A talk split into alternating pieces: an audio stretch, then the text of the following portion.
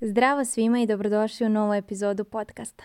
Nakon kratko predaha vraćamo se punom parom i epizode ćete moći da pratite do kraja leta dva puta nedeljno.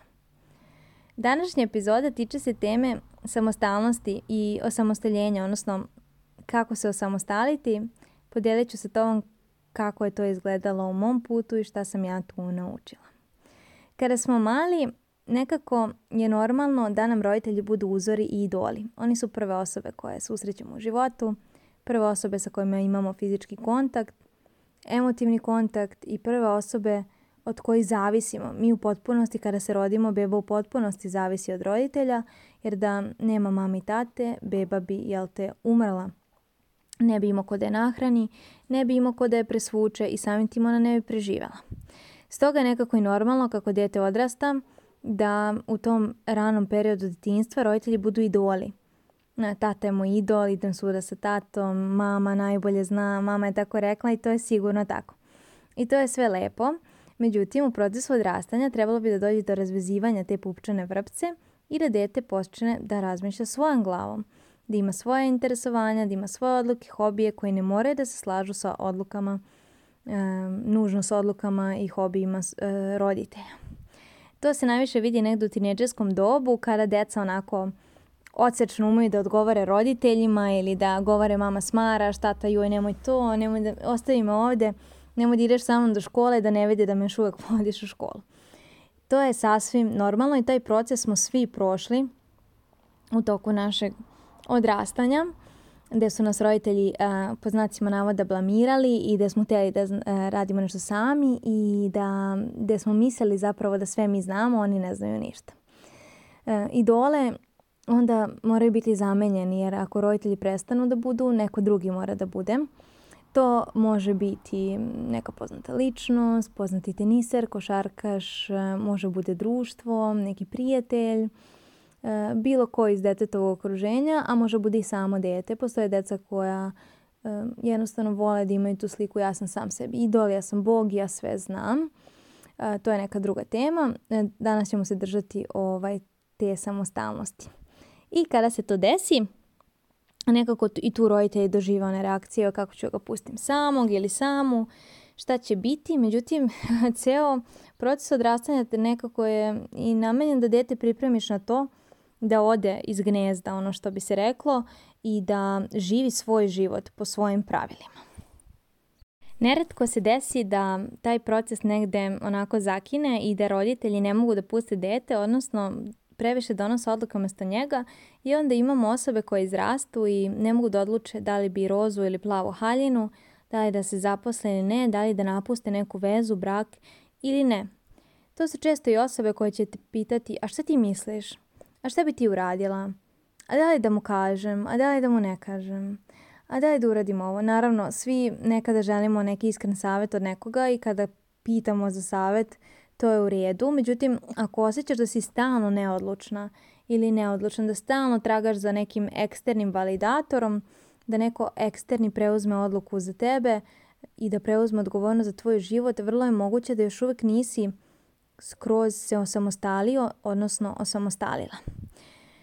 Ono što se meni desilo jeste da je moja majka apsolutno držala distancu što se tiče bilo kakvog mešanja u moj život. Od malih nogu. Da li je bio to izbor cipele, haljine, patika, šta ću da obučem, šta ću da ponesem, koju svesku ću da kupim, um, da li ću da idem uh, sa vrtićem na, bilo je neko zimovanje ili ne, to se sećam e, uvek je govorila ti odluči šta ti želiš. Nemoj mene da mešaš, to nije moj život i nisu moje odluke. I zaista to jeste bilo tako.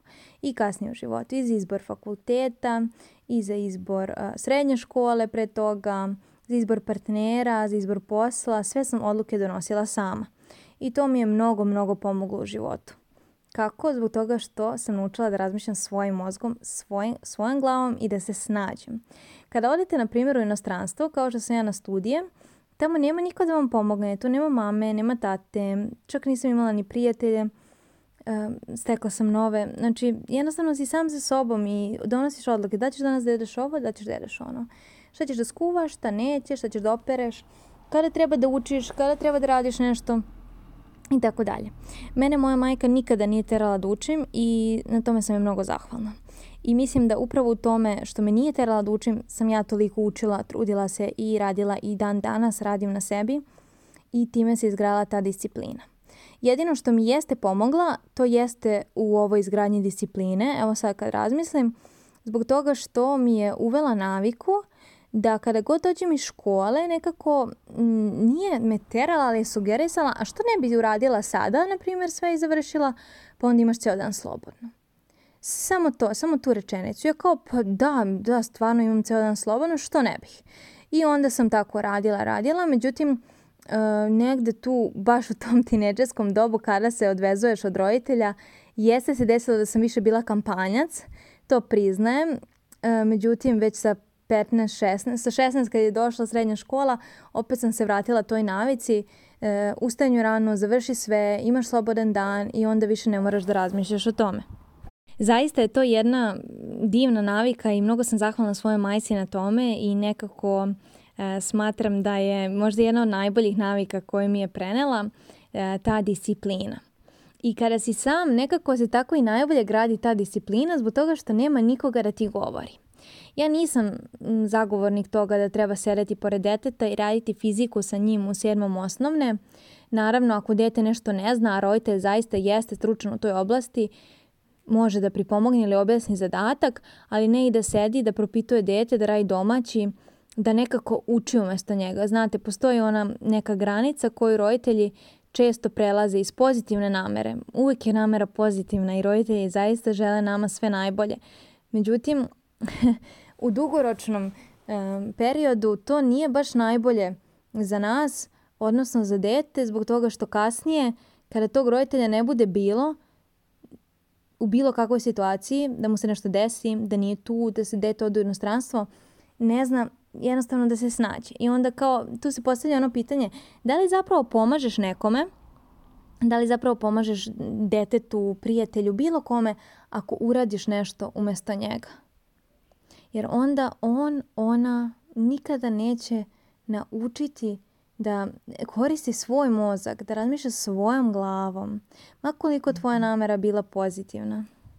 Upisala sam srednju školu koju sam željela išla sam u školu, učila, imala sam psa, to je isto bila moja odluka, šetala sam, radila sam ono što volim, zaposlila sam se u četvrtoj godini srednje, išla sam na posao, radila, pa, eh, radila paralelno ceo fakultet, ceo master, odlučila sam da upišem studiju inostranstvo, odlučila sam da se ocelim od kuće sa 20 godina, eh, odlučila sam da se opet ocelim od kuće nakon što sam se kratko vratila opet sa 23 čini mi se i jednostavno to mi je jako, jako pomoglo. Bila sam sama, naučila sam sama da kuvam, sama da spremam, sama da brinem o sebi i da donosim odluke i preuzimam odgovornost za svoj život.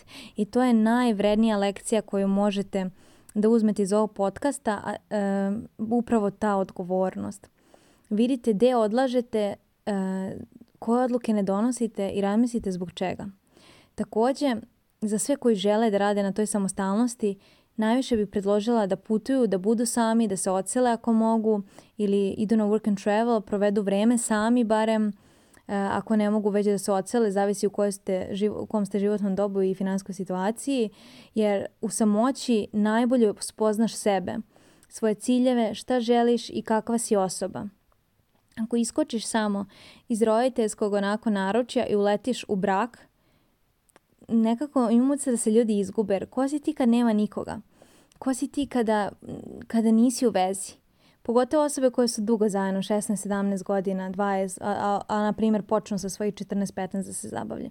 Ko si ti bez te osobe? To ne znači da moraš da raskineš tu vezu, da se razvedeš ili napustiš brak ili bilo šta. ne, već samo da malo provedeš vreme sa sobom. Da uzmeš 7 dana da otputuješ sam, bez, sam i sama, bez partnera, bez partnerke. Da vidiš šta je to što tebe nekako vodi u ovom životu, koji su tvoji hobi, šta se tebi sviđa, koji filmove bi ti da gledaš, koje serije bi ti da gledaš, koju muziku bi ti da slušaš, kako se snalaziš u drugoj zemlji, da li bi žela da naučiš taj jezik ili ne bi, da li spremaš sebi obroke ili ne, kako možeš da naučiš to ako želiš, neko ima para i da kupi, ne mora da sprema sebi. da vidiš u, učenju, da jednostavno odrasteš na neki način i da e, preuzmeš odgovornost za svoj život. Na kraju krajeva to je najvažnija stvar. Preuzeti odgovornost. Zbog toga dok kriviš druge, loše vrijeme, loše uslove, državu, mamu, tatu, drugaricu kako zbog nje ne stižeš jer slušaš nju, e, jer bi volila svima da pomogneš pa kasnije sebi, od toga nema ništa. Odluka se donese, za nje se stane i čvrsto se veruje u sebe da, će, da ćeš uspeti. čak i ako ne veruješ u sebe, donesi odluku, budi dosledna svojim izborima. Ne ono, donesem odluku, pa onda poslije dva dana mm, da li je bila dobra, ja opremišljam se, ja možda bi mogla da se pomirimo ili možda bi trebalo se izvinim i da molim za posao nazad. Ne, to, to ne vodi nigde. Kada jednom doneseš odluku, probaj svim silama da staneš iza nje i da istraješ u njoj, jer to je ono što vodi ka uspehu. Hvala svima što ste slušali današnju epizodu i čujemo se ubrzo u sljedećoj. Ako ste kao ja i volite da učite leti, možete pogledati moj Instagram profil ili opis ovog YouTube videa, audio i saznati više o radu sa mnom, prijaviti se na moj newsletter gdje pričam o više tema i gdje delim sa vama više korisnog besplatnog sadržaja. Čujemo se u sljedećoj epizodi. Ćao!